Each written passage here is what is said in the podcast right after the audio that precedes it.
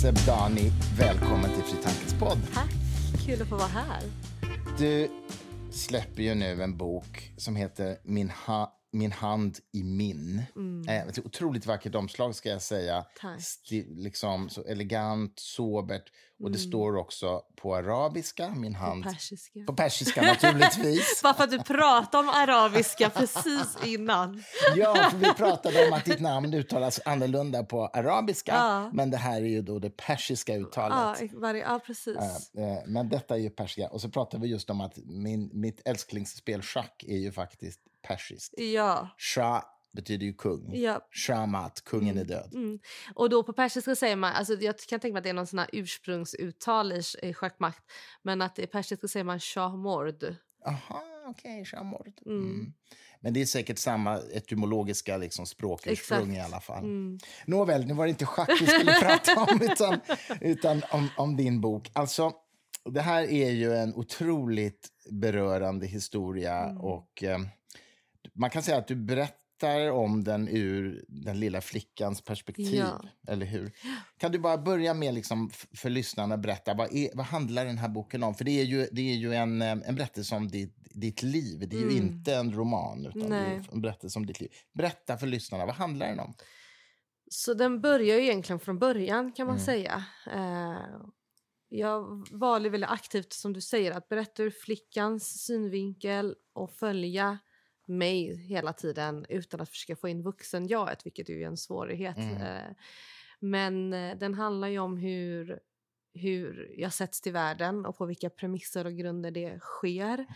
Mm. Eh, och eh, det handlar ju egentligen om att jag har föräldrar som, under, ja, men som växer upp under en rörig tid i Iran. Mm. Där många är politiskt aktiva. Mm. Så som det är i Iran just nu antar jag. Mm. Och eh, de hamnar ju i, alltså, de hamnar ju i en oppositionsgrupp som gör att eh, ja, det blir tufft att leva kvar helt enkelt om vi ska summera det så. Eh, och när shahen eh, försvinner och mullorna kommer så behöver de också eh, fly landet så småningom, mina föräldrar. Mm. Och det här sker ju medan min mamma alltså eh, är gravid med min, min, mitt andra syskon, alltså hennes tredje barn. Mm. Eh, så hon är gravid med honom och sen har hon min andra lillebror som är eh, knappt ett år och så jag då. Och då, vad heter de? Bara så, så i boken kallar vi dem Amin och Musse. Ja, okay. ja, men det gör vi det. Mm. och där kan jag också säga att alla namn är ju eh, fingrerade utom mitt och min mans har mm. jag valt att behålla. så. Eh, ja, och då är det liksom den här flykten och hur hela tiden den utsattheten som vi, som vi är under. Eh, med en mamma som är väldigt ung. Mm. Eh, jag tror att hon var ja, men 20 när hon fick mig då, så hon är väl 21-22 här. Mm.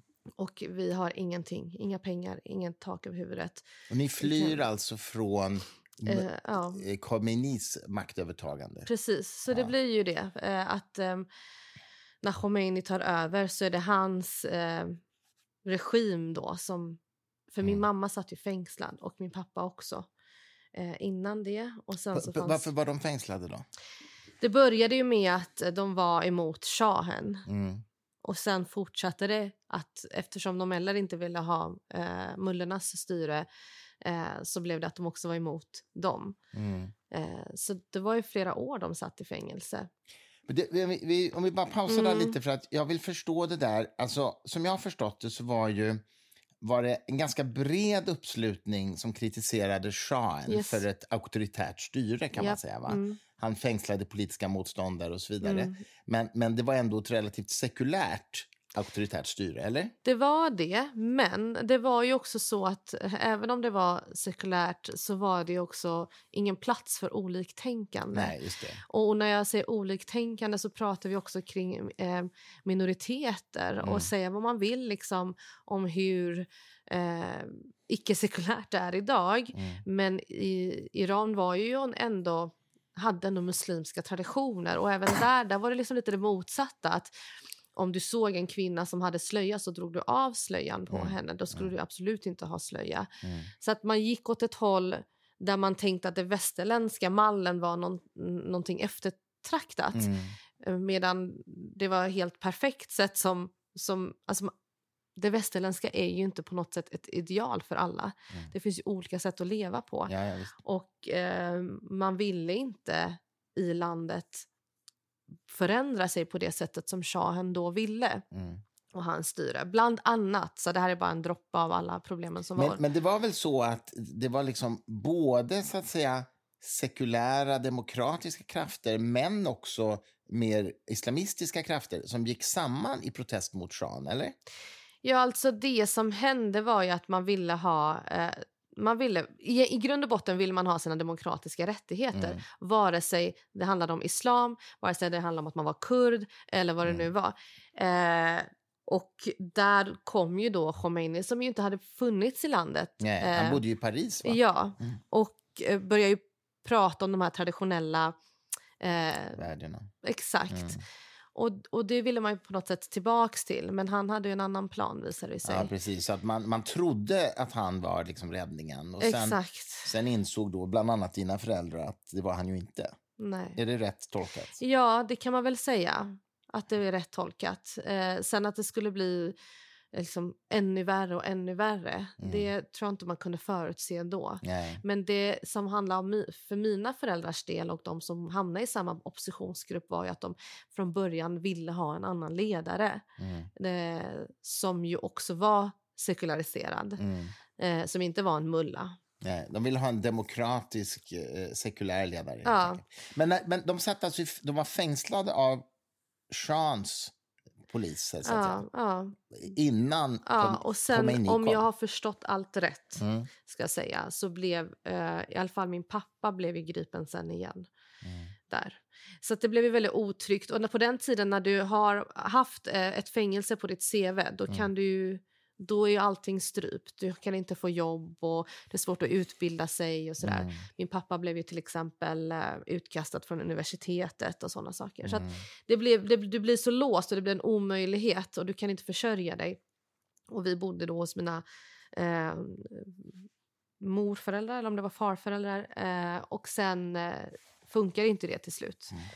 Eh, och de flyr och vi hamnar i Pakistan och där bestämmer sig min pappa för att han vill hänge sig helt till oppositionen. Mm. Eh, För du är ju född 86. yes. Eh, Så att, och det här var då 90 kanske, eller? Ja, det 91. blir, det blir, nej, Nej. utan det blir 88 ungefär. Jaha, okej, så Så jag var Mm. ganska liten fortfarande och min mamma väntade ju då eh, Mm. min lillebror som föddes eh, senare på Okej. året 88. Mm. Mm. Och eh, hon är ju helt utelämnad där i Pakistan utan ett språk och Mm. ja, det hon har är oss, inget annat än det hon har på kroppen och oss liksom. Så det blir ganska tuff tid att försöka försörja sig på. Den beskriver jag ju i boken också. Mm. Hur vi liksom lever på potatis och min mammas fantasier mer eller mindre. Eh, och då behöver hon så småningom eh, ja, men hennes sätt att ta oss ifrån den här misären blir ju att eh, sluta samman med min pappa och oppositionsgruppen Mm. som då har en militär eh, bas i Irak. Så hon behöver liksom ta sig över dit. Så där är han. Han är Han alltså är i där, Irak. ja. Mm. Han är där, han bestämmer sig för att bli soldat. Och ehm, där var ju alla soldater. Mm. Så, han, eh, så när hon sluter samman behöver hon ju också bli soldat. Mm. Det är enda sättet att få finnas där i den här eh, militärbasen. Då. Och där är vi ju tillsammans med vad som sägs mellan 800 och 1000 andra barn. Mm. Så det är ju många föräldrar då som har tagit sig dit. Och man då har då samlat alla sina olika... Innan det var ju eh, den här oppositionsgruppen, Mujahedin som de heter, Mm. splittrade liksom på olika fronter. Och här bestämmer man sig någonstans där omkring att man ska samla alla till en och samma plats och verkligen bli en starkare styrka. Mm. Eh, så alla kommer dit och vi har... Eh, vi bor bland liksom... Eh, och det här minns jag ju så väl. Det är ju liksom kamouflage, eh, kam, eh, helikoptrar och mm. tankbilar och du vet, det dundrar förbi och det tränas och det är gevärer och mina mm. föräldrar har militäruniformer och, och, och det var ju liksom det var ju inga konstigheter. Nej. Det var ju min verklighet och den var en fantastisk verklighet. Mm. För att vi hade första... Som barn vet man ju inget annat. Nej, men vi visste inget annat och för första gången så hade vi mat på bordet. Mm. Eh, min mamma kunde slappna av. För första gången hade vi vänner. Och jag hade ju väldigt svårt att passa in mig själv i, i det formatet och leka och sådär. För att jag hade ju aldrig fått göra det. Vi hade väldigt tidigt behövt bara klara oss och överleva. Så för mig handlade hade, mina som första år där hade det bara handlat om att se till att ja, vi, vi, har mat, hjälpa till att tigga pengar, eh, vakta mina bröder, mm. liksom all, alla de här grejerna. Eh, och sen ska jag in i någonting där jag ska leka med andra barn. Mm. Och det minns jag att det, eh, jag hade svårt för den assimilationen så att säga. Mm. Men vi var superlyckliga. Eh, tills att det började bombas liksom. Eh, och där var det fortfarande inte liksom, jag var inte det var ju fortfarande en, en trygg verklighet hur bisarrt det än kan låta. Mm. För att i slutändan så visste jag vad min mamma var. Eh, och jag visste att det fanns ett slut, eller det var ju så man tänker då. Liksom, mm. att det här, de menar att de här bomberna bara var amen, en lek eller det går snart över. Eller mm. liksom, det är ju sånt de hittar på för att ja. barn inte ska bli eh, berörda. Men vi märkte ju av stämningen. Och vilka bombade då? Det här då som jag har förstått det, jag har ju suttit och googlat sönder källor för att förstå vad som hände. Mm. Eh, och, um, å ena sidan säger vissa att det var eh, att regimen, iranska regimen hade funnit vår kamp. Mm. Eh, och, men en ett, läger, ett läger. Ja, mm. tack. Det här är svengelska. ja, det heter ju Camp Ashraf, så okay. jag tänker i de termerna. Ja, men tack, ja. vårt läger. Ja. Eh, andra, säger, andra källor säger att det är liksom, irakiska trupper som hade mm. hittat, eller som, som ville få bort oss därifrån. Vilket jag tvivlar över eftersom man då hade slutit ett avtal med Saddam Hussein. Mm. Så vi var ju där under Saddam Husseins beskydd. Så liksom, fiendens fiende blev våra vänner, lite liksom ja. den devisen. Och eh, hela planen var ju att man, när man tar över Iran igen, alltså när Mujahedin kommer till makten, då ska Saddam stötta eh, Mujahedin. Liksom. Mm. Att, och det ska finnas en allians däremellan. Vad betyder Mujahedin? Vet du det som ord? Äh, gud, det här vet jag egentligen och nu kommer inte jag ihåg varför Nej, det Det handlar ju om att vara någon form av martyr vet jag. Mm. Och det här är ganska intressant för att ordet martyr blir ju shahid på persiska. Mm. Och shahid för mig har hela tiden varit ordet för död. När någon dog så mm. blev de shahid. Mm. Och jag har trott att alla blir shahid. Om du får en, hjärt hjärtattack, mm. en hjärtattack så är det shahid. Om du får cancer och dör så är det shahid. Men, jag har inte fattat inte, att det är ordet martyr. Nej, det. För det ska vara ett offer. Ja, och det här är liksom... Det var ju sån... Vet, det är den här världen jag levt i. Att mm. Jag känner bara till martyrer. Mm. Människor som har dött i krig.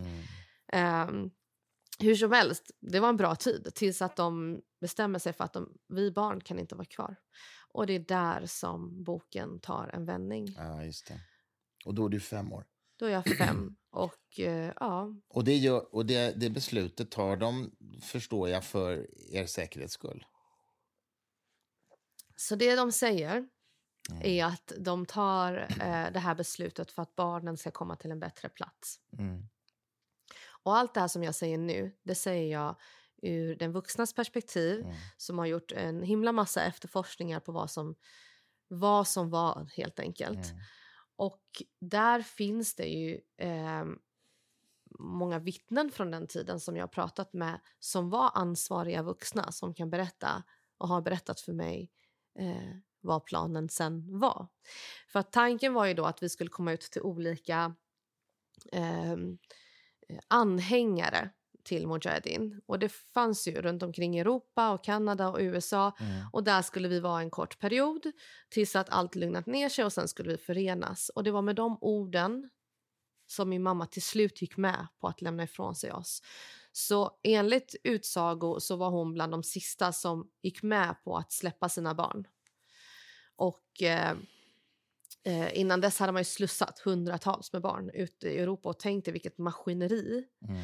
För att det här är också barn som kanske inte hade medborgarskap, som inte hade några föräldrar med mm. sig. Mm. Så alla de här barnen skulle smugglas ut till olika platser i världen och hamna hos olika som fosterhem som det ju blir då. Och i vissa fall... Så, inom rörelsen? Inom rörelsen för att mm. behålla kvar det här. Mm. Och jag tror, jag vill tro eh, att det fanns en god tanke i att man ville ha koll på barnen så att de hamnade liksom mm. fel eller försvann utan att man kunde faktiskt återförena mm. dem. Eh, och sen skapade man också ba egna barnhem, så Mujahedin skapade egna barnhem för att kunna ha de barnen som inte fick några hem. Då. Så vi var också stundtals på barnhem innan vi sen hamnade här i Sverige. Mm. Men där och då så är du fem år mm. och dina två små bröder är vad då? Så min eh, eh, lillebror, yngsta lillebror, som vi kallar Musse i boken, han är två och den andra är Hamid. Tre, uh, Amin är tre Amin. då. Hamid blir ju sen, Hamid som du nämner blir ju min fosterbror sen. Ja, just det, mm. vi kommer till det. Mm. Men Amin. Mm. mm. Mm. Just det, så de är så små och du är ju då mm. äldst. Mm. Och du är fem år och du skriver ju i boken hur du liksom skiljs från dina föräldrar där.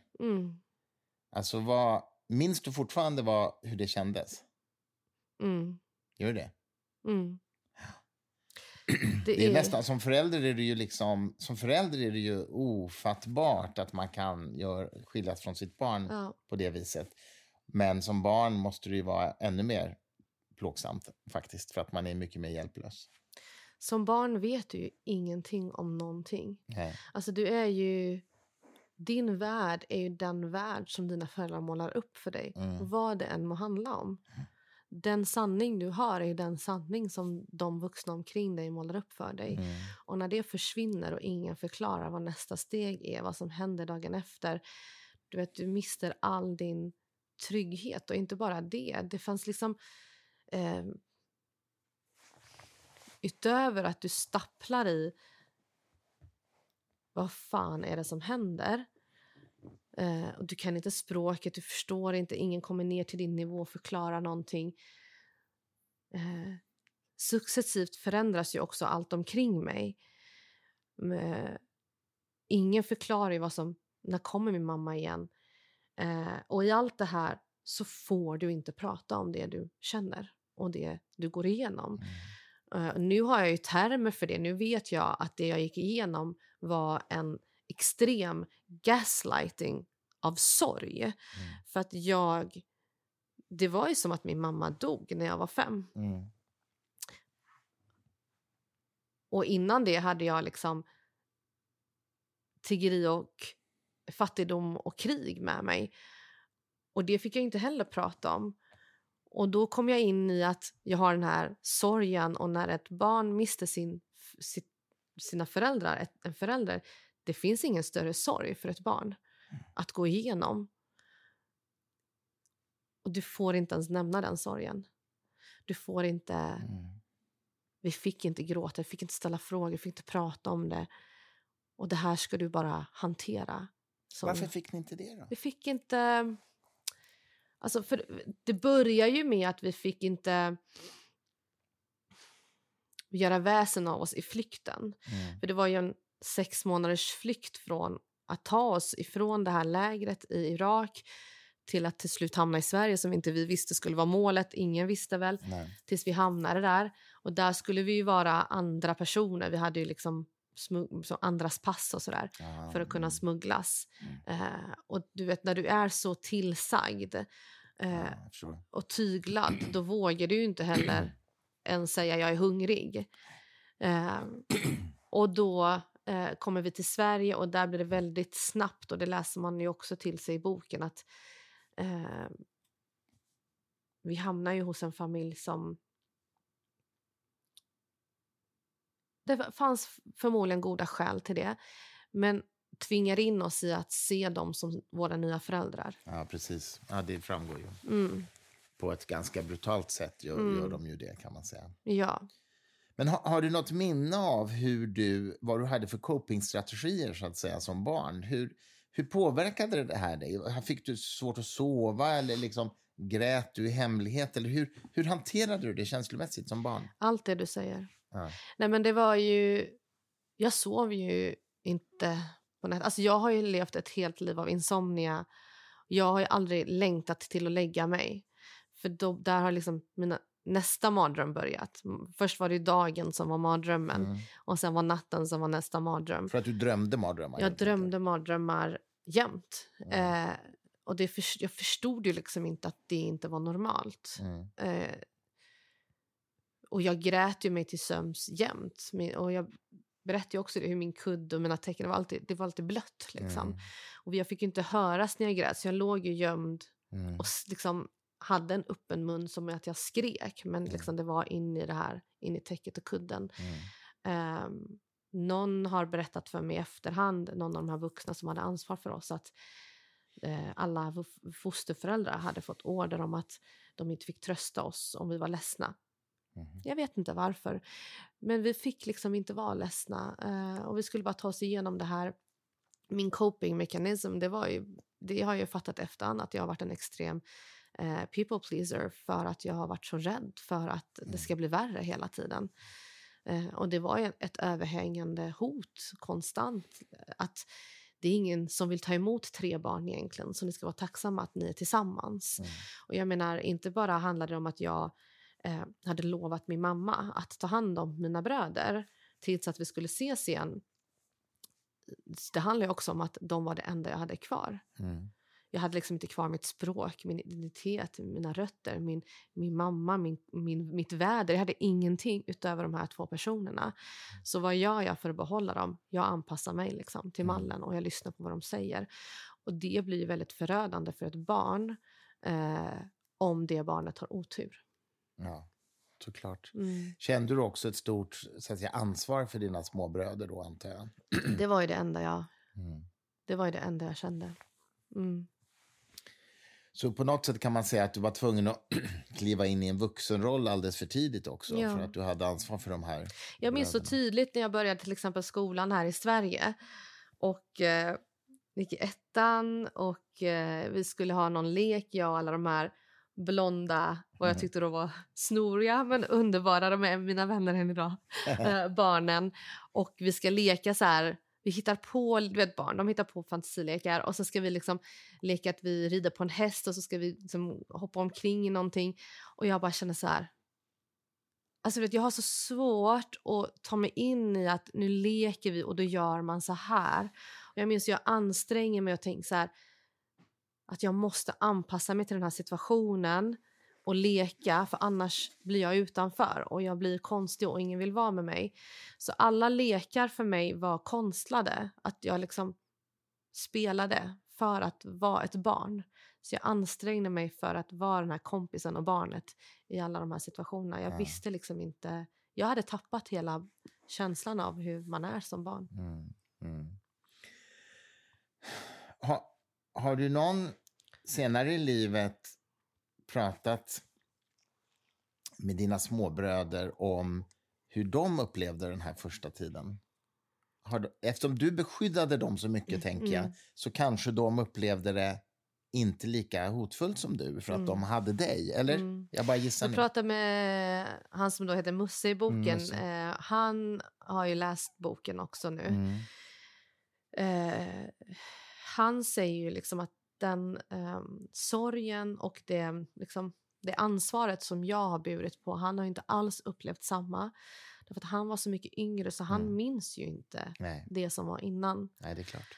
Och det gjorde också att han hade en helt annan distans när han inte kände det ansvaret. Att han hade en helt annan distans till vår fosterfamilj till exempel. Och han sa till mig bara häromdagen att han väldigt tidigt tyckte att de var dumma i huvudet mer eller mindre. Och att han hade en eh, så här, distans till hur de behandlade oss och han tyckte aldrig att det var okej. Okay. Och han visste att han så snart han kunde skulle liksom ta sig därifrån och sådär. Och det gjorde också att mina bröder var mycket, i alla fall Musse i det här fallet, han var väldigt eh, tidig med att eh, liksom opponera mot våra fosterföräldrar och även liksom, rörelsen Mujahedin. Vilket ju för mig var väldigt, väldigt jobbigt att se. Ja. Eh, för att jag blev så rädd ja. för vad det skulle ha för konsekvenser. Mm. För den här fosterfamiljen då i Sverige, de var också knutna till rörelsen. Yes. Mm. Och um, om du be, liksom beskriver den här rörelsen, det, det, man får ju en känsla av att det är en sekt. Mm. Så att säga. Mm. Är, är, det en adekvat beskrivning? Lite som Knutby fast mm. Det här är så himla... Nu går du in på de här grejerna som jag tycker är jätte eh, inflammerade att prata om. Mm. Men jag vet också att jag måste prata om mm. dem. Eh, och det är ju så här, utifrån, när du tittar på Mujahedin, de heter Folkets Mujahedin i folkmun, massa, massa olika benämningar. Eh, eh, när du tittar på dem utifrån så uppfyller de ju alla de här kriterierna för vad en sekt innebär. Mm. Eh, och bara att säga det för mig är så hisnande och så svårt. Inte för att jag eh, inte tycker att de är en sekt, mm. utan för att jag har ju bara av att säga det skapat mig så många fiender. Eh, och det här är inga fiender jag vill ha. Alltså, utöver att det finns människor bland dem som jag faktiskt kan vara rädd för så handlar det också om att det finns människor där som har varit mina vänner. Eh, och de här vännerna vill ju inte ha med mig att göra mer för mm. att jag säger sekt. Mm. Eh, men ja, det är ju bara att kolla på vad de gjort, vad de står för och vad de gör. Och så tar man checklistan på sekt och så kan du checka i samtliga punkter. Men, kan du beskriva det lite mera? För att det där är jätteintressant. Mm. Alltså, vad, vad är det de checkar av på sekt? En sån klassisk grej är till exempel att de har en ledare och bara haft en ledare genom alla åren. Mm. Det och finns liksom, eh, Mariam Rajavi som är den europeiska ledaren, alltså ledare för parlamentet. Mm. Jag tycker det här är så jobbigt att säga. Okay. Oh.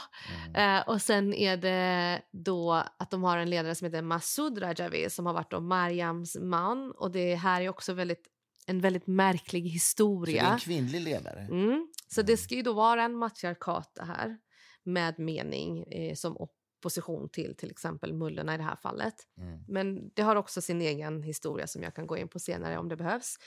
Sen är hon ju då gift med någon som heter Massoud Rajavi som har varit militärens ledare.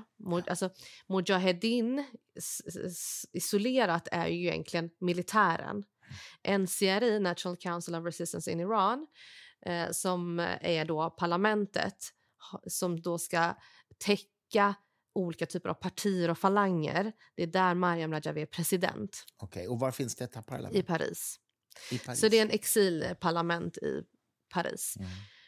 Och eh, det, till saken hör att eh, Massoud Rajavi har inte synts till på, vad är det nu, om inte mer än 12 år i alla fall. Så man vet inte om han lever? Precis. De själva menar att han lever. Alla utifrån säger att han inte lever. Och det är ingen som vet. Och det här är bara en sån märklig grej. Du har en ledare som du inte ja. sett. Ja, en smula märkligt kan man säga. Det, och det, de, det, ska inte, det är också sådär, du ska inte prata om det. Du får inte ifrågasätta detta. Ja. Om, om Mujahedin, om ledarna säger att du inte ska prata om det, då ska du inte prata om det. Mm. Och så där är det. Det är väldigt styrt på det sättet. Vissa frågor får du inte ställa. Eh, och en fråga som jag ställde redan då som tonåring var ju så här, varför, om vi nu är en demokratisk rörelse, varför har vi inte liksom val kring mm. vilken, vem som är vår ledare? Mm. Eh, och där är det mycket liksom att, då, där blir jag ju nertystad. Och det är det man blir. Men, men svaret då när man väl liksom är så där jobbig som jag kunde vara stundtals eh, när jag ifrågasatte det är ju att vadå, vi har inte tid för att hålla på och ha massa val. Nu, ska, nu har, har vi en ledare, ifrågasätter du henne? Tycker du inte att hon är lämplig? Tycker du att vi ska lägga massa resurser och tid på att försöka hitta en ny när vi har en, en ett krig att utföra? Mm. Och då blir du liksom den dumma i det hela. Ja, så det finns ju några sådana, liksom, du ifrågasätter inte ledaren, det är en sån sak mm. i en klassisk sekt. Då. Men dagens uh, Folkets Mujahedin, vad, vad säger de att de vill uppnå? Nej, men det är ju, det är ju väldigt fina saker. Mm, det är att få bort mullorna helt Ja, enkelt. demokrati och frihet och alla de sakerna som alla iranier vill ha mm. i Iran. De säger ju alla rätta sakerna. Eh, men om man tar de som protesterar på Irans gator idag, mm. kvinnor bland annat mm. då, mm. med slöj, slöjtvången. Skulle de säga att Mujahedin är på vår sida?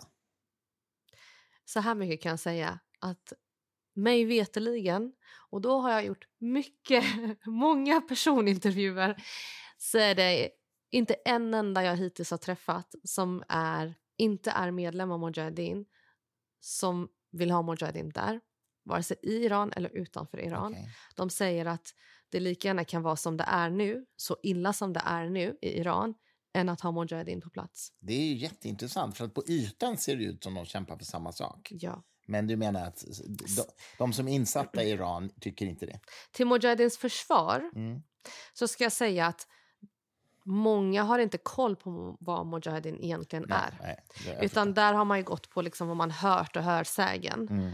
Eh, och det kan ju slå på alla håll förstås. Ja, att man inte har precis. Mm. Och det kan nästan frustrera mig. Mm. För även om de kanske har rätt i sak så vet de inte vad det är de har rätt i. Utan där har de mm. hört att det här är en dålig grupp. Mm. Typ så. Och så är det det Nej, man jag förstår. Har Mujahedin eh, stöd internationellt eh, på något sätt? Och de har vilka? ju det. det här vilka? är en, en grupp, en rörelse. Säga vad man vill, men de är bäst bäst på lobbyism. Mm. och det här är ju okay. någonting som jag har varit delaktig i. Alltså är du någorlunda verbal, alltså talför, vet hur du ska uttrycka dig och föra dig, då blir du väldigt snabbt plockad av Mujahedin som den här legosoldaten som ska lobba. Mm. Så jag har gjort den här lobbyismen. Mm. Jag har brutit mig in på TT och jag har suttit med liksom diverse politiker, haft tag i Anders Borg och alla de här grejerna eh, och jobbat för eh, Mujahedins ära. Och där har jag ju varit en fantastisk eh, liksom, legosoldat för jag har ju kunnat använda känslor kring mina föräldrar på, ja. på ett sätt. Ja. Eh, och skrivit liksom, artiklar och allt vad det nu är som har funnits i, cirkulerat i media. Um, och där träffar ju Mujahedin de de bör träffa. Eh, det som är lite, som, vill man vara, syna lite där så kan man ju se att de träffar ju framförallt till exempel den här eh, den här brödraskapet, det fascistiska brödraskapet i Italien, nu har jag glömt vad mm. de heter. Eh, och, och, många, alltså hela typ Trumps stab, alltså de har jättemånga mm. bakom sig. Och de här personerna, det säger inte jag bara, ja men de har dem bakom sig, de här personerna dyker faktiskt upp på Mujahedins konferenser, mm. står där och håller tal. Och går, går man in på Mariam Rajavis Youtube så är det bara att titta på vilket, vilket fantastiskt stöd som de trots allt har där ute i världen mm. bland västerländsk, framförallt, eh, politik. Och det, det, har ju, det är en av grejerna som gör att jag tycker att det är jätteläskigt att sitta här och prata. Mm, jag För jag vet ju hur viktigt sådana samrören är. N när var det som du så att säga bröt med det här sekteristiska? Eller när, när förstod du att du inte skulle representera dem längre?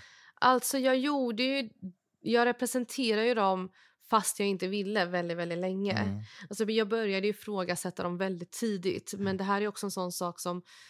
Um, alltså I efterhand har jag pratat med en annan kompis som också var en del av Mujahedin som också sen bröt sig ur. Då har vi kommit fram till att vi samtidigt började tvivla. Mm. Men fast vi var bästa vänner, vi vågade inte ens prata med varandra om det. Eh, och det var i tidiga tonår. Eh, mm. och sen när jag liksom flyttar hemifrån, man ska säga, då försöker jag inte engagera mig lika mycket. Eh, och sen, Från dina fosterföräldrar alltså? Ja, precis. Eller fosterfamilj. Mm. Eh, och sen eh, berättar jag ju då om den här tragedin som hände mig 2011. Mm. Eh, där jag, där, det var ju droppen för mig, liksom, att det inte gick mer. Men okej, okay, den, den ska vi prata om. Men mm. jag tror vi, vi går tillbaks nu till dina första skolår. Ehm, yes. Eh, för det här var en jätteintressant reflektion kring Mujahedin, men jag vill gå tillbaka till din privata, eller din mm. personliga upplevelse mm. igen, så kan vi komma. Eh, du börjar i alla fall i skolan, du får då eh, svenska klasskamrater så att säga. Och eh, vad, vad händer med dig då? Du har fortfarande, du hör av din mamma en gång om året per telefon ungefär. Mm. Det är så, eller hur? Yes. Vilket ju gör att du fortsätter att längta förstås mm. och sakna. Mm. Kan du berätta någonting om hur, hur, liksom, hur, hur är det att... Vet du när hon ska ringa varje år eller kommer det alltså, plötsligt bara? Jag vet ju ungefär att det kan hända någonstans mellan början av februari och slutet på mars på någonstans två månader i spann. Sen okay. kan det vara ungefär när som helst under den. Och varför är det just då? För att då var det så att i Iran så har vi liksom nyåret som infaller vid vårdagsjämningen i mars. Mm. Och då hade de en grej, har jag lärt mig i efterhand, i, i lägret att man kunde få ringa till sina barn. Alla mm. mm, liksom föräldrar kunde ringa till sina barn runt omkring mm. i världen för att önska dem gott nytt år. Varenda gång de fick ringa. Och då gjorde min mamma så att hon försökte få det till att det blev runt min födelsedag som var i februari. Så hon mm. fick det lite tidigare då. Ja. Och då hamnade det någonstans däremellan. Ja, jag förstår. Mm. Och du fick ju veta i efterhand att de där samtalen var övervakade. Mm. Eh, så att hon kunde inte så att säga uttrycka sig som hon kanske ville då till dig, mm. eller hur? Eh, vad gjorde det med dig att prata med henne? Alltså, hur mådde du efter det? Varje gång? Du vet, under år, det år som hinner gå mm. mellan varje samtal det, då, det året handlade alltid, liksom, eller det blir då varje år, handlar om att bygga upp sig själv igen. Mm. Du bygger upp ett... Liksom, du tar tillbaka dig själv till ett normalläge, vad nu normalt är mm. i det här mm. fallet. Mm. Eh, där du liksom... Jag menar, herregud, jag var ändå så litet barn så att jag blev ju en del av det här samhället. Eh, men jag levde i dubbelliv och då försöker jag liksom komma in i det här andra livet och vara här anpassade och sen komma till det här samtalet igen som bara bröt ner allting mm.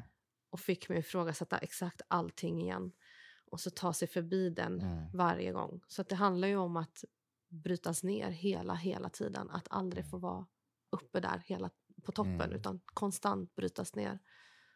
Hade det varit bättre att du liksom inte hade haft någon kontakt alls, tror du? På det sättet, eh, kanske. Mm. Svårt att veta. Ja, det, ja.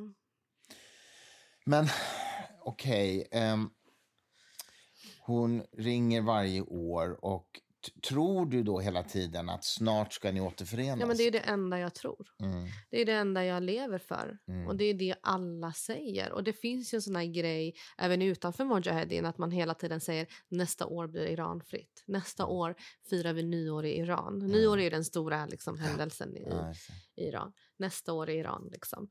Och då nästa år i Iran är likställt för mig. Nästa år träffar jag min mamma då. Mm. För det var ju det de sa. Iran blir snart fritt, då får du träffa din mamma. Hon är ju soldat, så hon ska bara se till att Iran blir fritt. Och så fort hon har sett till att det blir det, då får ni träffas igen. Mm.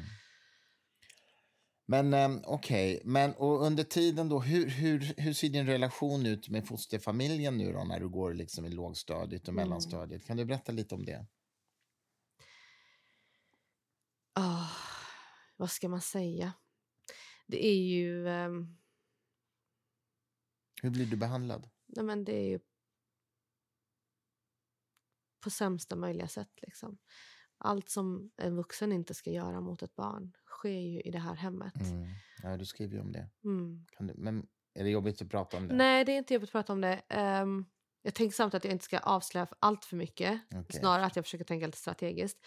Mm. Men, men så här, ett, alltså, ett barn som inte har eh, det här bagaget med sig och de här överlevnadsinstinkterna med sig kommer bara där vara ett lojalt barn, för det är så barn är. Hur deras när, liksom närmsta närstående än behandlar dem så är det trots allt deras enda liksom, trygga pelare. Ja, det, är det, är det man har. Mm. Så om jag då ska hårdra det och generalisera så mer eller mindre alla barn kommer vara den närstående personen lojal, mm, hur den än gör. Mm. Eh, och i mitt fall så behövde jag också liksom jag hade träffat så många vuxna. Hela, alltså jag har varit på olika fosterhem och barnhem och i händerna på massa liksom, smugglare och sådär. Och till slut hamnade jag på den här platsen där jag vet att det är förgängligt. Mm. Jag vet det. Mm då blir du på något sätt ännu mer lojal. Ja, det är klart. Eh, blir du misshandlad? Ja, mm. vi blir det både psykiskt och fysiskt. Mm. Alltså, det är det här du vet när man hör om de här barnen som ser skolan som sin fredade plats. Jag var, jag var mobbad och Um, jag berättade också om min eh, första lärare som, som slår mig i en svensk skola. Liksom. Mm. Men det var fortfarande en bättre plats att vara på uh, i skolan än att vara hemma. Mm. Mm. Va, bara man hoppar liksom till... Har, har, finns de kvar, din foster, eh, Min eh, fosterpappa är kvar. Mm. Har du någon kontakt? Nej. Nej. Vet mm. du om de for, han fortfarande är liksom Mujahedin? Ja, det är de. Mm. Mm. mm. Men eh, okej. Okay. Och det ska ju tilläggas att eh, de här anhängarna känner ju till numera eh, det som de har gjort. Men eh, boven i dramat är ju inte de. Det är ju jag. Mm. För att jag pratar om det. Så de, de skyddar ju de här förövarna. Och det är det här som är så sorgligt i hela den här historien är att mina fosterföräldrar nu går in, jag måste vara väldigt försiktig med vilka ord jag använder på grund av förtal. Mm. Som jag stakar mig så är det därför. Mm. Men mina fosterföräldrar är ju inte de eh, enda som behandlat Mujahedin-barn på det här sättet. Utan det finns ju en uppsjö av andra anhängare till Mujahedin mm. som har behandlat den här gruppen av barn väldigt, väldigt illa. Och socialtjänsten förstod aldrig detta? För du blev utsatt för övergrepp också. Mm. Jag, hade, jag har en eh, bekant som jobbade på socialtjänsten samtidigt som eh, man hade hand om såna fall som oss. Mm. Och socialtjänsten eh, har aktivt valt att gå vidare om man säger så. Eh, och jag tror att en del av det handlar om att problemet var löst. Det vill säga barnen hade ett hem att vara i. Då gick man till nästa barn som inte hade ett hem att vara i. Mm. Min lillebror har ju anmält till exempel. Han har varit tillbaka på socialen och berättat.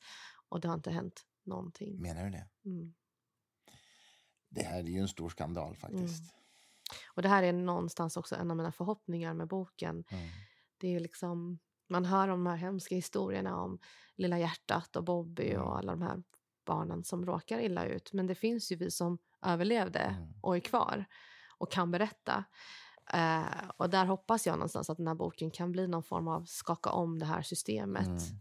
Det är väldigt högfärdig tanke, men uh, det, ja, de har ett jobb att göra. Men, men din lillebror Musse då mm. har anmält, alltså polisanmält? Nej, han har varit tillbaka till socialtjänsten och begärt att de tar upp vårt fall. Och, mm. Mm, nu alltså? Nej, alltså ganska kort efter. Jag tror att han var typ 17. Han blev ju ja. utslängd när han var 16 ja. från vårt fosterhem och går tillbaka till socialen. Ja. Jag tror att han fortfarande var minderårig, men jag är inte säker.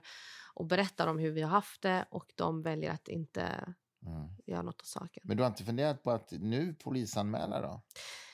Eller går inte Vi vet det? ju hur de här resurserna med polisen ser ut. Mm. Det här är ju ingenting de kommer prioritera och i synnerhet eftersom det krävs att man har bevis. Mm. Och hur skaffa sig ett barnbevis på den tiden? Jag har lite dagboksanteckningar men mm. de är inte så explicita. Men det står. Gör det? Mm. Men kan du säga någonting om vad det var för slags övergrepp? Alltså jag, jag tror att... Alltså det som händer är ju att jag ganska tidigt märker, alltså när jag, redan när vi kommer till den här fosterfamiljen när jag är fem, märker att något är fel. Något känns fel eh, med min fosterpappa.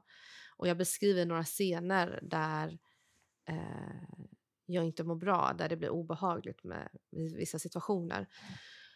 Och sen eh, tar det fyra år innan han eh, ger sig på mig. Mm. Och då är jag nio. Och därifrån så håller det på i några år och sen kommer nästa person in i bilden och ger sig på mig. Och det här är alltså, det här är alltså ur ett sexuellt perspektiv. Sen har ju de också det här psykiska och fysiska pågick ju också med både mig och mina bröder. Men mm. det sexuella eh, fick jag vara med om då. Mm. Och sen och det är din fosterbror då? Så då kommer min, fosterbror in i bilden mm. eh, lite senare. Mm. Och här måste jag också vara lite försiktig med hur jag uttrycker mig. Mm. Eh, Han finns kvar också? Ja. Och ni har ingen kontakt? Nej. Och det här sker också då eh, under ganska många år. Mm. Mm. Hur, gam, äh, hur tar du dig bort från den här familjen sen? Ja, vändpunkten. Det här är så klyschigt. Mm. Men det är ju, det är ju eh, en person som ser mig till slut. Och vem är det? Det är han som är min make idag. Mm. Mm. Och, och hur, hur, eh, hur går det till? Det är ändå, det, va? Mm. Berätta. Hur, hur hände detta? Alltså jag hade haft ögonen på honom ganska länge men jag hade liksom inte, du vet, han, var någon, han var min klasskamrats storebror. Mm. Och han dök upp på så här, du vet, skolavslutningar och sånt där. Mm. Jag var alltid så här, gud han är så fin. Och då var jag liksom nio år. Okej, ja. ja. det är fint. Ja, det är jätte... Oj, nu stötte jag till. Eh, och sen eh, hörs vi på, alltså så modernt som på internet några år, alltså när jag är typ, jag tror att jag hade hunnit fylla 18. Mm. Eh, på ett ställe som heter efterfesten.com. Okej, okay, det här är alltså typ 2004? Ja, 2004. Mm. Efterfesten.com, ja roligt. Ja, det är bra. Han avslöjar min nickname på vårt bröllop. Åh gud vad jag skämdes. så, man hade ju nicknames på den tiden. Okay. Ja, ah, så det. jobbigt. Uh, nej men ja, det, som, det som är så himla banalt i det här är att egentligen gjorde han inte så mycket annat än att lyssna på mig och se mig och bry sig om mig och vara intresserad av mig. Och jag hade liksom inte upplevt det sen jag lämnade min mamma vid fem års ålder. Mm. Eh, han liksom frågade mig hur jag mådde. Det var liksom ingen som hade frågat mig det Nej. under hela min uppväxt. Eh, ville veta hur min dag hade varit. Ingen som hade frågat mig det. Mm. Och sen... Eh, men då bor du fortfarande hos... Jag bodde där och det här, så här, det här skedde i högsta hemlighet. Och så hade jag ju då de här problemen med vad jag var utsatt för. Mm. Så jag ville liksom inte träffa honom då. Nej, Utan för det jag... fort, fortgick. Mm. Du utsattes fortfarande för det när du var 18. Mm, mm. Och du kunde inte liksom...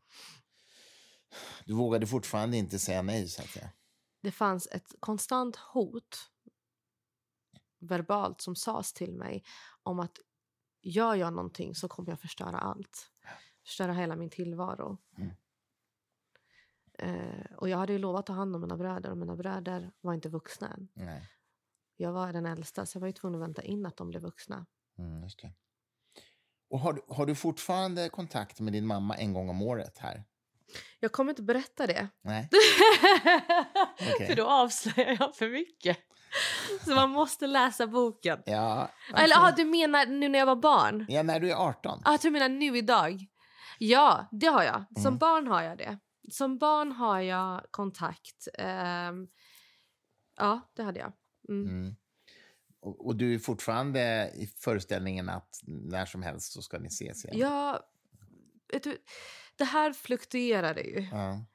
Eh, det kom ju perioder där jag visste, liksom, eller visste, jag visste inom citationstecken att jag kommer liksom aldrig träffa min mamma. Mm. Det här kommer inte ske. Det här är ren skitsnack som mm. de har mm. hjärntvättat mig mm. med för att jag ska vara en fortsatt god anhängare av den här rörelsen. Eh, mm. Hon vill inte ha mig, hon vill inte komma hit. Hon, hon har liksom tagit det här beslutet nu. Eh, och liksom hela den här känslan av att vara ett oönskat barn. Eh, så så att det där gick ju i vågor hur, hur jag kände kring henne. Jag förstår. Mm. Men när du är 18, var finns hon då? hon är där. I, I samma läger? Ja. De bor där år efter år? Yes. Ja, men eh, precis. Ni har, hon bor kvar. Hon mm. finns kvar i lägret. Där. Men okej, okay, du är 18, du blir sedd för första mm. gången, säger du, av din nuvarande make. Det är ju mm. väldigt fint alltså. Och eh, när flyttar du ifrån den här familjen? Den här destruktiva familjen? Alltså, i och med att jag då får något att krocka fast vid mm. som ju blir Max i det här fallet. Mm. Eh, och jag hade lite tappat... Alltså för mig blev ju de här sista åren där blev så, det handlade så mycket om att bara... Eh, hur ska jag förklara det? När man bara är liksom spillror till slut. Mm. Det var ju det jag var. Jag var liksom samtidigt den som skrattade högst och hade flest vänner och du vet, allt det här. Mm. Och de visste eh, ingenting? Mina bröder? Din, dina vänner och bröder? Ja, dina vänner tänker jag på nu. Nej. Nej. Det är många som har hört av sig i efterhand och varit väldigt chockade. Liksom. Mm. Uh, och det faller ingen skugga över dem. Det finns ju inget ansvar överhuvudtaget. Mm. Jag, var, jag var ju den bästa skådespelaren. Mm. Jag är väldigt sådär självgod i att om jag någonsin skulle få en skådespelarroll så skulle jag klara utmärkt. För jag, ja. vet, jag vet hur man fejkar ja, ett liv liksom. Ja. Um, men jag var ju... Jag visste inte vem jag var. Jag var liksom. När du är, i en sån miljö, det är som att man hyvlar av din personlighet mm. bit efter bit. Mm. Eh, och till slut är du liksom bara ett skelett av ingenting. Du vet inte ens vem, vad du tycker om, vad, vad dina värderingar är. Och, liksom, och någonstans ska jag på något sätt vara lite så här, tycka att det är häftigt att jag har liksom stått fast i mig själv. Att, att jag ändå vågade tvivla på vissa saker redan så tidigt och ifrågasätta det och att jag alltid haft någon liksom, stark fäste i så här, när jag utsattes för till exempel de här övergreppen, jag minns första gången och då tänker jag du, du är ju sjuk, mm. tänker jag om honom. Mm. Och det är liksom... Och jag, det, var din, det var din fosterpappa då? Ja. Mm. Och jag vet liksom att det här gör inte en frisk person. Mm. Eh, och det kan man ju undra, hur kan en nioåring liksom kom, alltså det, det är det som gör att jag klarar av det. Det är att jag vet att det är inte det är inte jag, det är du som är så. Mm. Um, och det tror jag höll mig fast, liksom, trots att jag var spillror. Sen har jag fått jobba jättemycket med att bara liksom, förstå vem jag är. Alltså mm. så... Men klarade du skolan och sånt där? Ja, men jag, det var det här. Jag var ju, jag var ju skolboksexempel på det perfekta barnet mm. utifrån. Mm. Jag gjorde liksom aldrig uppror, jag hade eh, bäst betyg i alla ämnen. Mm. Eh, alltså så här, jättemycket vänner, stod och höll liksom otroliga föredrag på lektionerna och så vidare. Så um, och det är ju det som till exempel socialen går på. De går ja. på alla de här ytliga mm. faktorerna. Mm. Så det fanns ju inget att, att ta på för dem om de, när de inte gjorde sitt jobb ordentligt. Så. Mm. Men när du är 18, då är dina bröder, vad gamla är de då? Så då när, närmar de sig 16 och 17 ja, där. Det, och vid 16 blir ju Musse i det här fallet utkastad för att mm. han börjar ju då sätta sig emot hur ja. de behandlar oss. Vad tar han vägen då?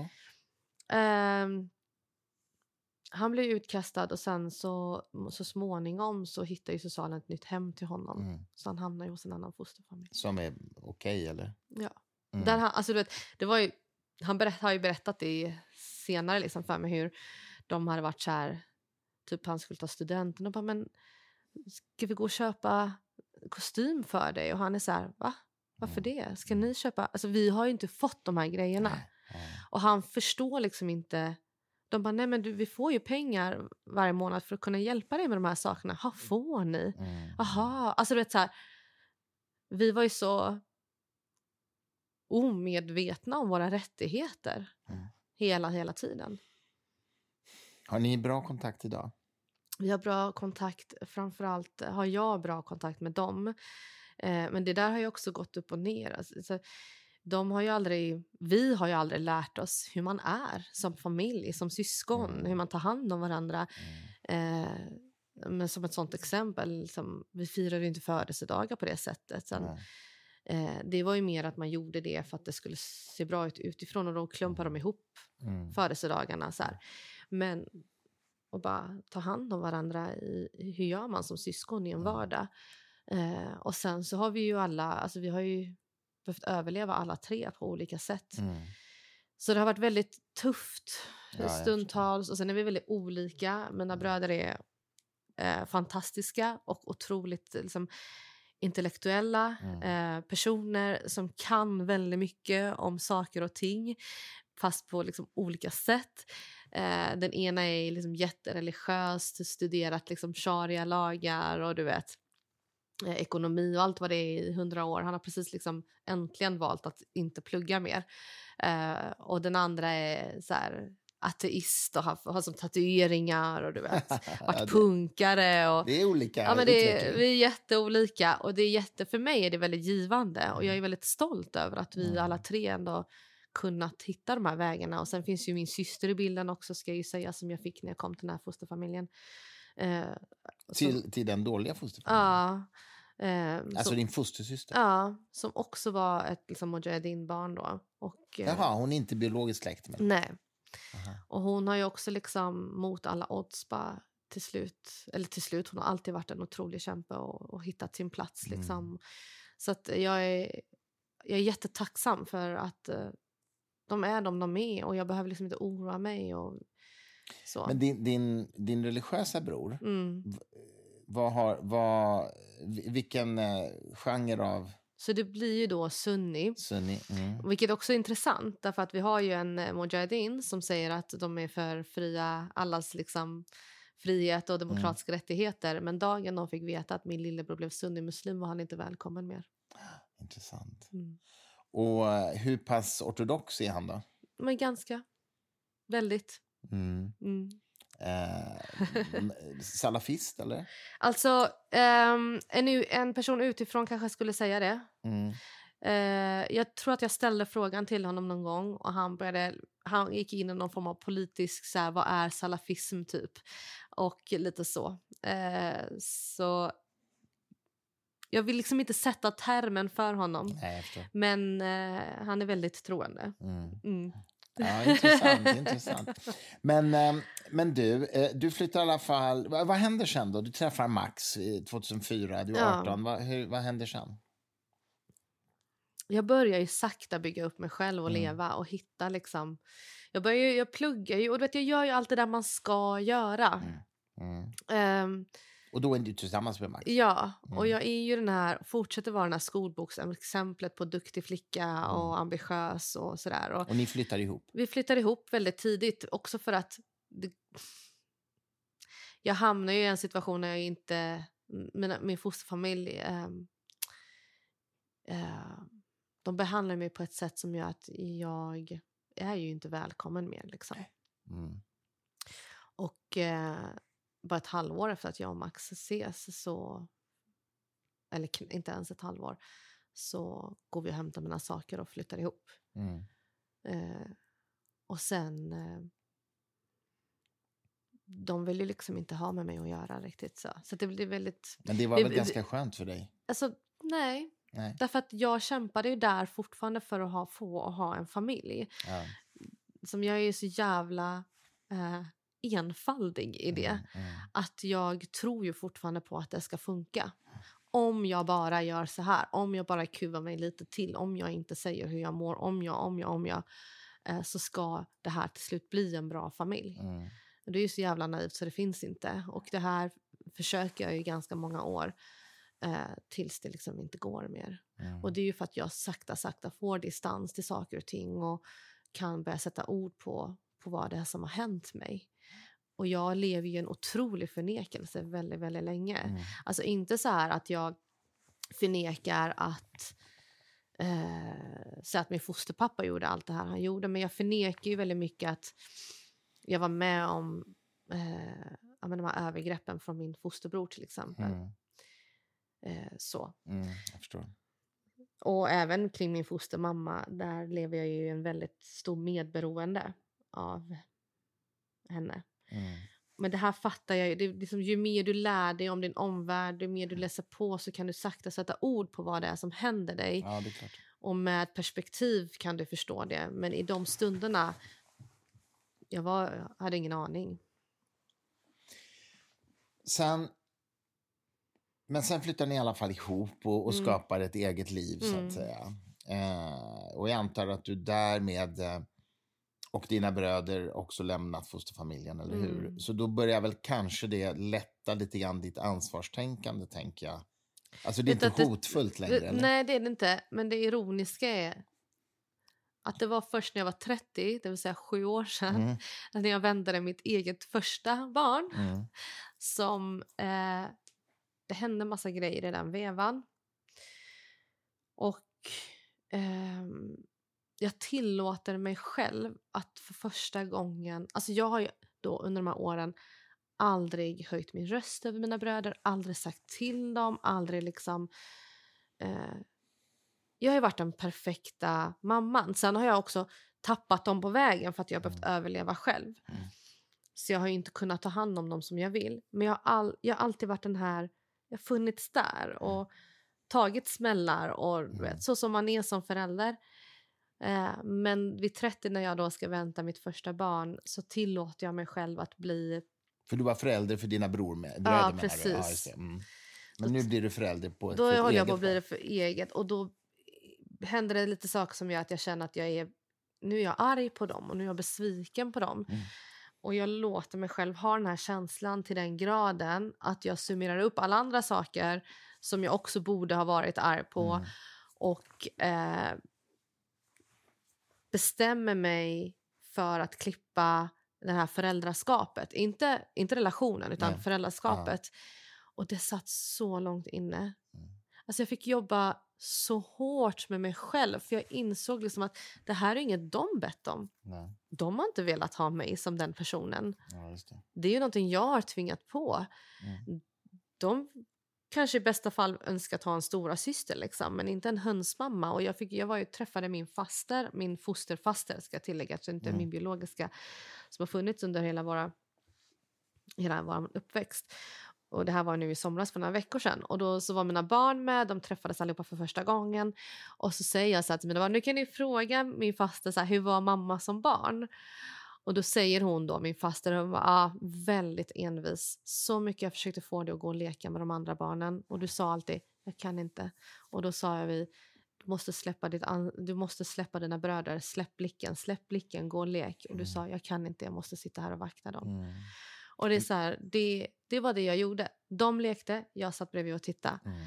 Det var inget de bad om. Vet din faster om vad som hände dig som barn? Nu. Mm. Det, för no, ett, två år sedan mm. eh, fick hon veta. Men du, mm. eh, du flyttar ihop med Max och eh, vad är det som händer då 2011? Mm. Du nämnde ju det. Mm. Vi måste tillbaka till det. Mm. Berätta. Hur mycket ska jag säga, Christer?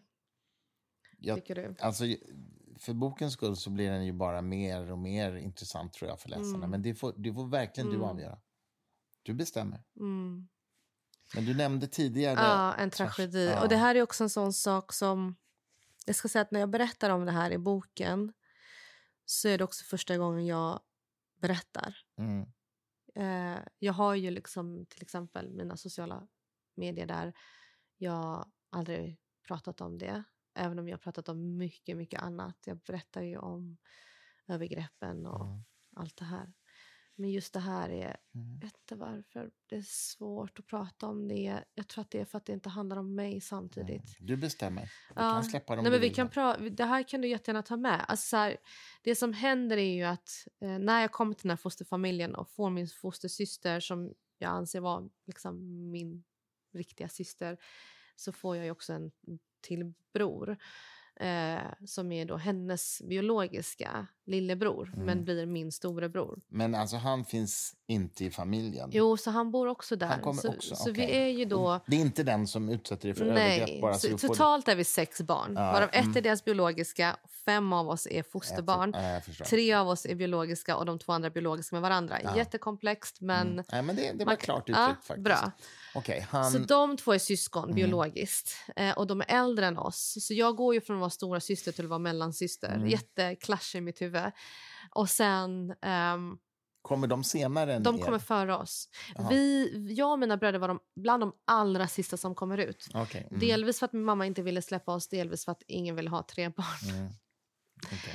Eh, så vår flykt var också mycket längre än alla andras. Men i alla fall, eh, det som händer är att min eh, bror, min storebror som det blir i det här fallet, väljer att bli soldat. Mm. Och det som Mujahedin gör, som de också blivit åtalade, inte åtalade för att de gjort, det här är också en, en, komplex historia, men det har varit mycket på tapeten i Tyskland. Att en av de här soldaterna har gått ut med sin berättelse. Mm. Eh, det är att de tog in eh, de satte i system att vi barn till Mujahedin skulle återförenas genom att vi blev soldater också. Mm. Varav då en del blev barnsoldater. Mm. Så en del för att...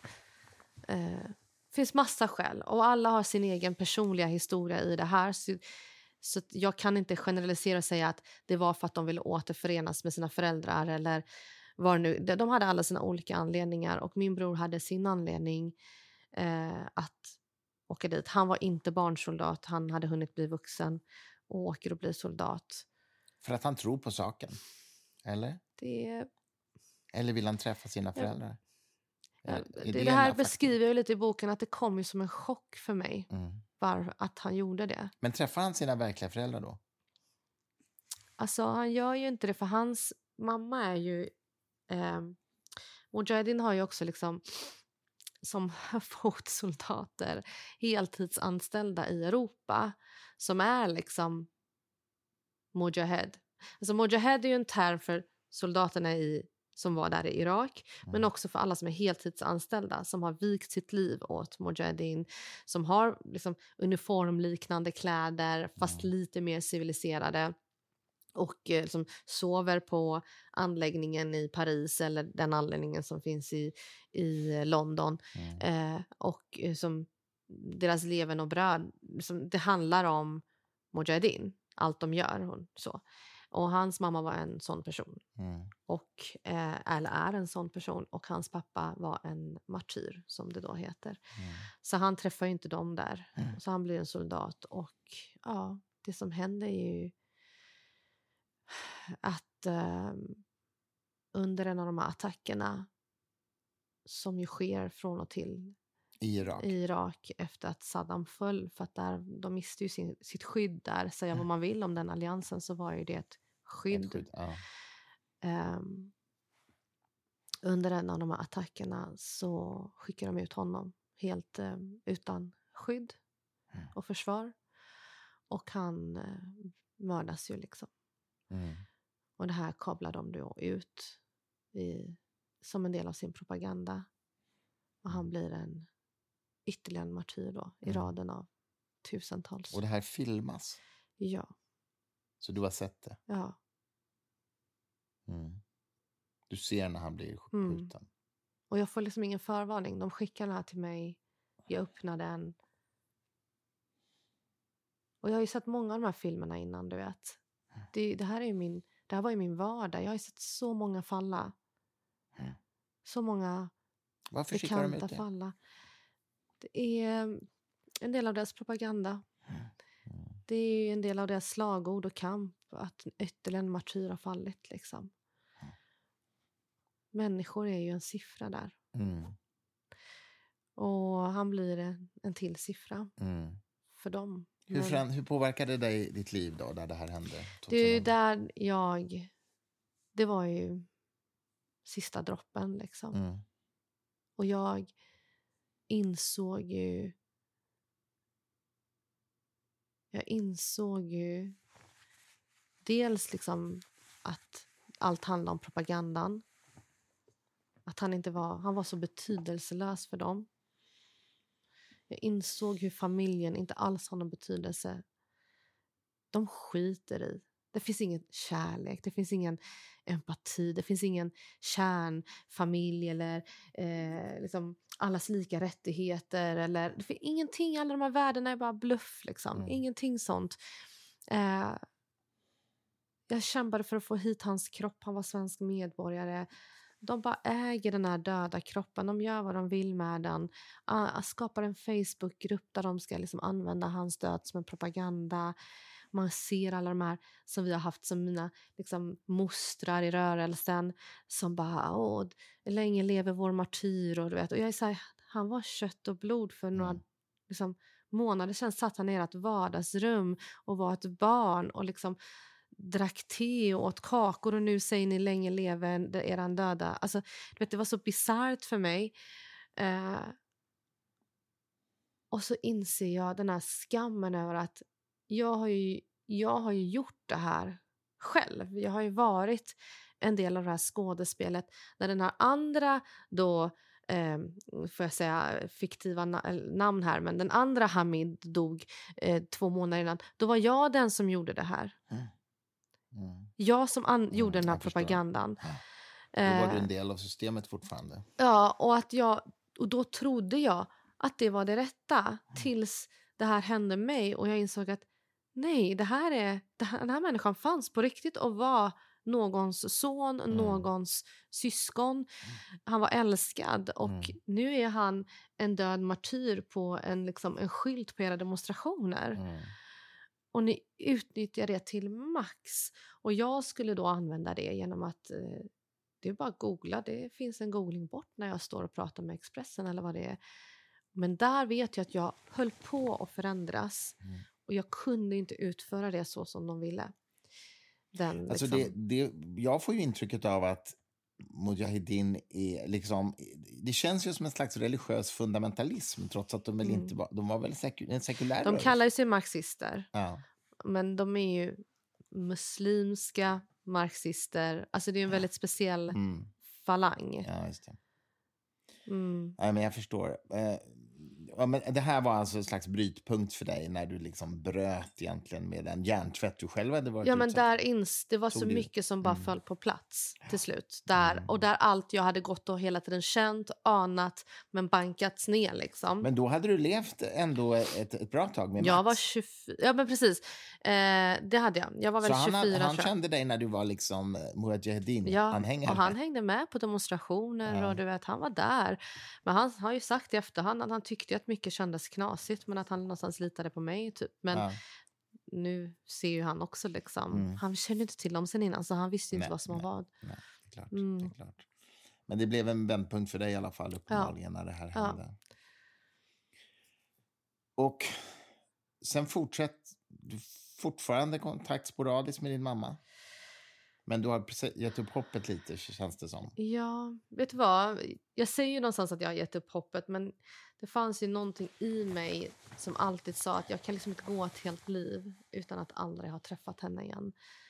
Eh, mm. Så att det fanns en, en, ett hopp i mig som jag hela tiden behövde släcka. Mm. Aktivt släcka hela tiden. Mm.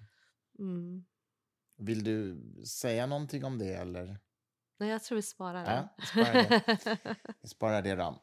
Um, uh, men men okej.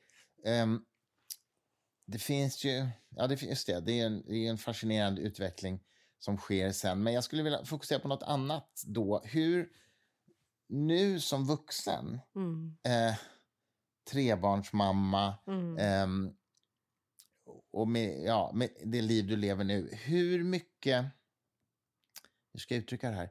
Hur mycket av de här barndoms och ungdomstraumorna som du har haft, hur mycket lämnar märken i, i din själ idag, så att säga? Mm. Hur, mycket, eh, hur mycket påverkar det dig? Har du, har du några det låter så kliniskt, men liksom, har du några symptom eller några beteenden som du vet har med det att göra? Och vilka copingstrategier har du? Hur har du liksom bearbetat det här? Jag mm. förstår ungefär mm, vad jag är mm, ute efter. Mm.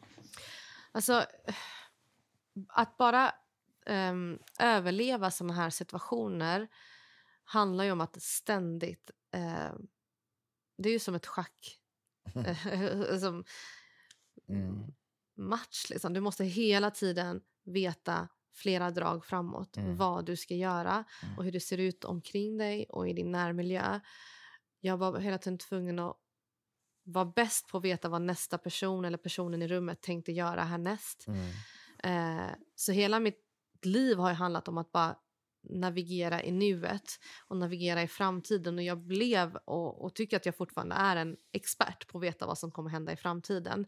Eh, och jag har ju kunnat, så här, till exempel med Max, min, min man, kunnat säga det här kommer hända i din familj snart. Det här kommer, liksom, och då händer de grejerna. Mm. För att man märker liksom mönster till slut på hur... Det är det jag har lärt mig. Eh, mm. um, du har haft radarn på hela tiden. Liksom. Ja, ja, jag vet exakt. Så här, de här två de är egentligen inte vänner i det här rummet. Och de, här har, alltså, du vet, mm. de här har en kärleksrelation. Hon är gravid fast hon inte gått ut med det. Alltså, allt det här. Liksom. okay. eh, så. Men, och, och det har ju verkligen... Du kan bli sån här spårtant kanske. Ska höra av mig till ett magasin. Ja, gör det. Eh, Nej, men, och det är jättekul kanske, men också jättejobbigt att aldrig kunna liksom riktigt slappna av. Mm. Men sen... Det som har varit till min nackdel är att jag inte har tillåtit mig själv att känna fullt ut. Mm. Alltså jag har alltid, jag sa ju det, alltid skrattat och lätt men jag har aldrig känt Ja, jag har gråtit på nätterna, men den, det spektrat av känslor som jag har fått ta bort från mig själv det är ilskan. Mm. Och eh, för... Eh, ja, men för sju år sedan fick jag min son. Eh, det var en väldigt eh, jobbig eh, efterbörd av det av mm. olika mm. anledningar. Mm. någonstans därefter fick jag en tumör. Sen blev jag utbränd och sen väntade jag min dotter och blev utbränd ännu mer. Mm. Och eh, det hände massa också privata grejer samtidigt. Och i det här, när du är så utbränd, när en människa går igenom en utbrändhet, det är som att därifrån, jag kan tänka mig att det är lite samma när man varit med om någon form av dödlig sjukdom eller vad det är, därifrån finns liksom ingen väg tillbaks till det som var innan. Mm. Eh, och du behöver omvärdera hela din, ditt varande. Eh, det är som att gå igenom en katarsis på något ja, slag, en slags eh, om på nyttfödelse ja. nästan, för att tala i religiösa ja. termer. Ja, ja och det, det var en, eh, har varit en väldigt tuff mm. period. Och jag har alltid varit väldigt självreflekterande, men här fick jag också tvinga mig själv att bli egoistisk. Mm. Eh, och det kan låta, åh vad jag är altruistisk och det är ju ingen som är och så vidare. Men jag hade liksom aldrig satt mig själv i första rummet tidigare mm. och jag hade verkligen inte det. Mm. Även om jag har varit ambitiös och jobbat för en god karriär och allt det här och, och på så sätt varit, har gjort egoistiska handlingar så hade jag aldrig tagit hand om mitt mående. Jag hade aldrig fått som, tänka på hur jag mår och, och hur känns det när jag har ont här? Ska jag bry mig om att det gör ont här? När jag har ont här, så hur gör man då? Som, och, och då också börja omvärdera relationer och allt som är omkring mig. Och det triggade också igång ilskan. Och jag var vansinnig. Väldigt länge. Och när jag säger länge så är det månader, så är det inte år. Men för mig mm. var det väldigt länge. Och det är liksom, jag kunde inte hantera det. Hur kom det ut då? Vad, vad hände? Nej, men det, det, det, som är så himla sorgligt i det här är att det gick ut över min familj. Mm. Och det gick ut över mina närstående och jag sket i. Och det handlar inte om att jag ville skita i. Jag kunde inte. Jag kunde inte. Som, när du är ett barn, du får ju öva på alla de här känslorna. Mm. Din förälder är ju den här liksom, bumpern för ja. dina känslor. Mm. Så att du får ut din ilska som barn. Du får tröst när du är ledsen. Och din, din, din, din ledsamhet, din sorg, din smärta den kan uttrycka sig olika i ilska eller vad det nu är. Och du har en förälder som guidar dig i det mm. här. Och som man ändå är trygg med. Ja, mm. som kan liksom ta emot det här och omfamna dig. Som jag har inte fått en kram. Jag mm. fick ingen kram när jag, när jag var liten. Mm. Så det fanns ingen som kunde ta emot det här. Eh, och så kommer det då när jag är vuxen och jag behöver som vuxen lära mig när det här blossar upp i mig. Som, jag har inte känt den här blossande ilskan innan. Mm. Hur hanterar jag en sån sak? Och för mig blev det en explosion som jag då fått lära mig att så här gör jag. Så här. Men det behövde också alla de här årens explosioner behövde komma ut. Och jag har också mått jättedåligt över att jag var den här personen. Men jag är också samtidigt väldigt glad att det skedde då. Det var en period jag behövde ta mig igenom det här för att mer och mer bli en hel människa med mm. alla de här spektran. Och eh, då också veta, inte att jag inte visste, men då kunna liksom bli en bättre ja, men den här bumpern för mina barn och låta mm. dem kunna uttrycka alla de här känslorna och vara sig själva och inte känna att det är jobbigt. Ja. Det, är ju, det där är intressant du säger, för jag, tror, jag är också förälder och jag tror att man Alltså jag har ju absolut inte varit med om några sådana saker som du har varit med om, men jag tror ändå att det är en transformativ ögonblick att själv bli förälder. Mm. Därför att man får en annan blick mm. på sina föräldrar. Ja. Och, alltså det är liksom, ja, verkligen. Att, och jag kan tänka mig i, i, i, ditt fall att det, att det var oerhört transformativt mm. liksom, när du själv fick gå in i föräldrarollen och att det kanske var väldigt förlösande också. Mm antar jag. Ja. Och, ja, Men jag var ju också väldigt rädd innan jag skulle bli förälder. Mm. Att bli förälder jag vågar heller inte tro på det. Jag har aldrig vågat tro på att jag kan bli lycklig. Och då så här, inte hela tiden låta mig själv drabbas av katastroftankar utan tänka så här, nu är min tur. Mm. Nu är min tur att få må bra. Mm. Jag måste tänka så. Jag får inte tänka att jag kan aldrig vara lycklig. Mm. Jag var inte det första liksom, delen av mitt liv men nu, är, nu får jag vara det. Och sen då våga tro på att jag skulle kunna få ha en familj till slut. Eh, superläskigt att vara liksom, liksom överhuvuden av den familjen och, och börja på noll. Men sen också liksom att... Eh, eh, vad tänkte jag säga? Eh, se mig själv i dem. Mm. Och jag, Fick du någon hjälp? Fick du någon professionell hjälp? Alltså jag har ju gått till olika psykologer och jag låter så dryg när jag säger det men det blir som att jag blir en försökskanin. Mm. Mm. Och jag sitter och tröstar psykologen och du vet, mm. och jag vet jag ser ju på dem, de blir så drabbade och det blir för mycket, det är för många grejer liksom. Det är inte en sak, det är inte ett krig, det är inte liksom ett övergivet barn, det är inte bara sexuella mm. övergrepp, det är inte bara sex, det blir så, det blir så många grejer i det mm. att eh, det, jag, jag märker hur de har svårt att navigera i det och, och vilken tråd de ska plocka mm. upp. Uh, och jag har svaren själv. Och det låter också drygt att säga, men jag har ju men, fått göra den här resan. Liksom. Men vad har du lärt dig de insikterna? Alltså hur har du fått de svaren då? Jag har fått uh, ömsa skinn så många gånger i mig mm. själv. Uh, jag har ju omvärderat alla teser jag har en miljon gånger om. Om världen, om mig själv, om min omgivning. Alltså,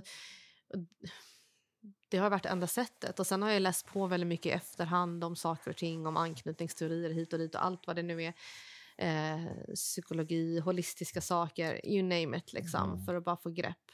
Du har läst mycket, så att säga? Ja, för att också, lära känna dig själv? också. Liksom. Mm. Så. Eh, så tyvärr tycker inte jag att det har varit en, så jättemycket hjälp. Att, att gå och, till psykologer menar du? Ja, det som var hjälp en gång, men det avslutade jag inte för att, eller jag avbröt det för att jag var gravid. Jag ville inte skulle påverka för mycket. Men jag gick på MDR som är en form av hypnosterapi kan man säga. Mm. EMDR. Mm. Och det man gör är att man försöker trigga eh, båda hjärnhalvorna samtidigt. Mm. För trauma menar man är obearbetade minnen. Och då försöker du liksom lyfta upp både det logiska och det liksom mer känslomässiga i dig mm eh, för att få upp de här minnena och kunna sortera dem. Eh, så du pratar inte i den här terapin.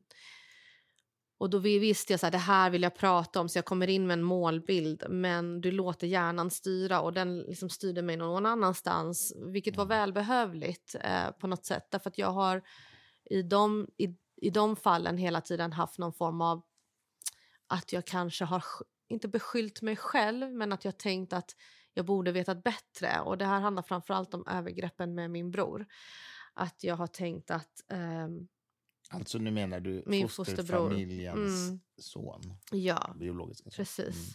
Att jag har tyckt att jag... Ja, men jag, har liksom, um, jag har köpt mycket av den hjärntvättningen, så kan man väl säga. Mm.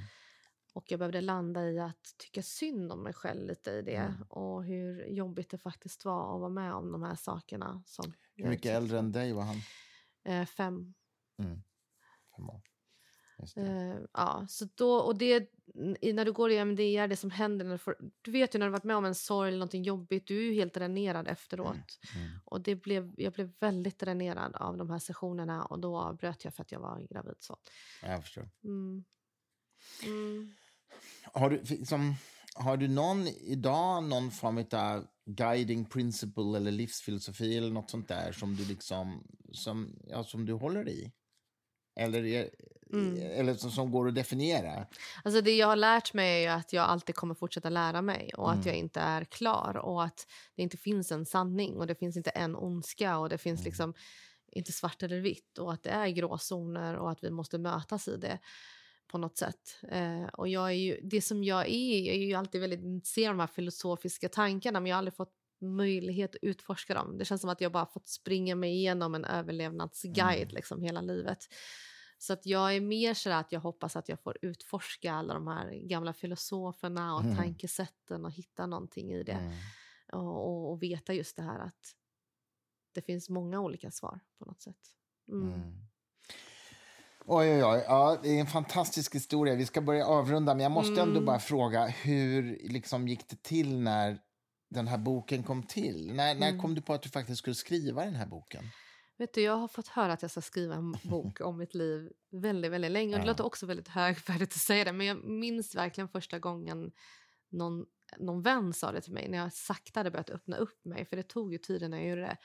Det var när jag var 25, alltså 12 år sedan nu. Mm. Som en vän bara, och då hade jag bara berättat någon liten del och hon bara herregud du måste ju skriva en bok. Och jag tänkte mm. så här, det, det, finns, det finns någonting i mig som jag inte har kunnat formulera för att jag var det här barnet som aldrig, jag drömde inte om en framtid. Jag mm. skulle kasta in handduken så fort mina bröder hade blivit vuxna. Liksom. Mm.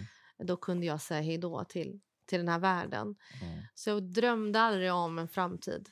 Men när hon sa det där, du måste skriva en bok, så kände jag att någonting i mig har den där, det finns någon dröm som jag inte vågar uttrycka som är att skriva det här. Mm. Sen skrev jag den inte eh, för att eh, jag har varit så rädd av olika skäl. Mm. Förtal, säga att det finns en sekt, berätta saker, mista mina vänner och att det är så komplext. Vem ska tro mig? Vem ska mm. tro att allt det här har hänt?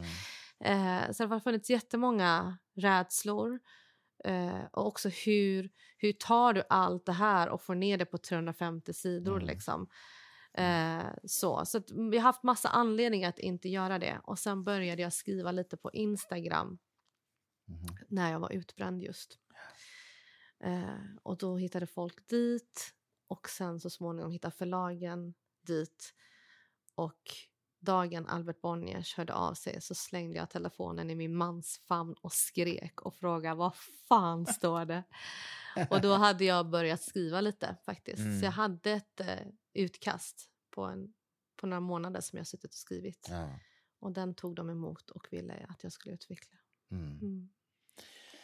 Och nu kommer den här boken. Eh, när, vilket release, när finns den i bokhandeln? Alltså är det nästa vecka? 18 augusti. Mm, samma dag min dotter blir fem år. Samma mm, ja, år som jag... Ja, som katastrofen hände. Liksom. Så det finns någon mening med allt. Det går i cirklar. Liksom. Mm. mm.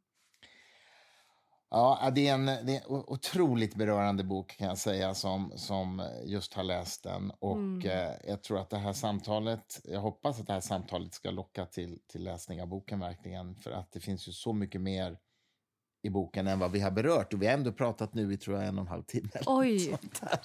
Det blev, en, det blev en lång podd. Men, eh, men vi ska avsluta. Mm. Eh, ATF, stort tack för att du var med i Fri Tankes podd. Tack för att jag fick vara med. Tack.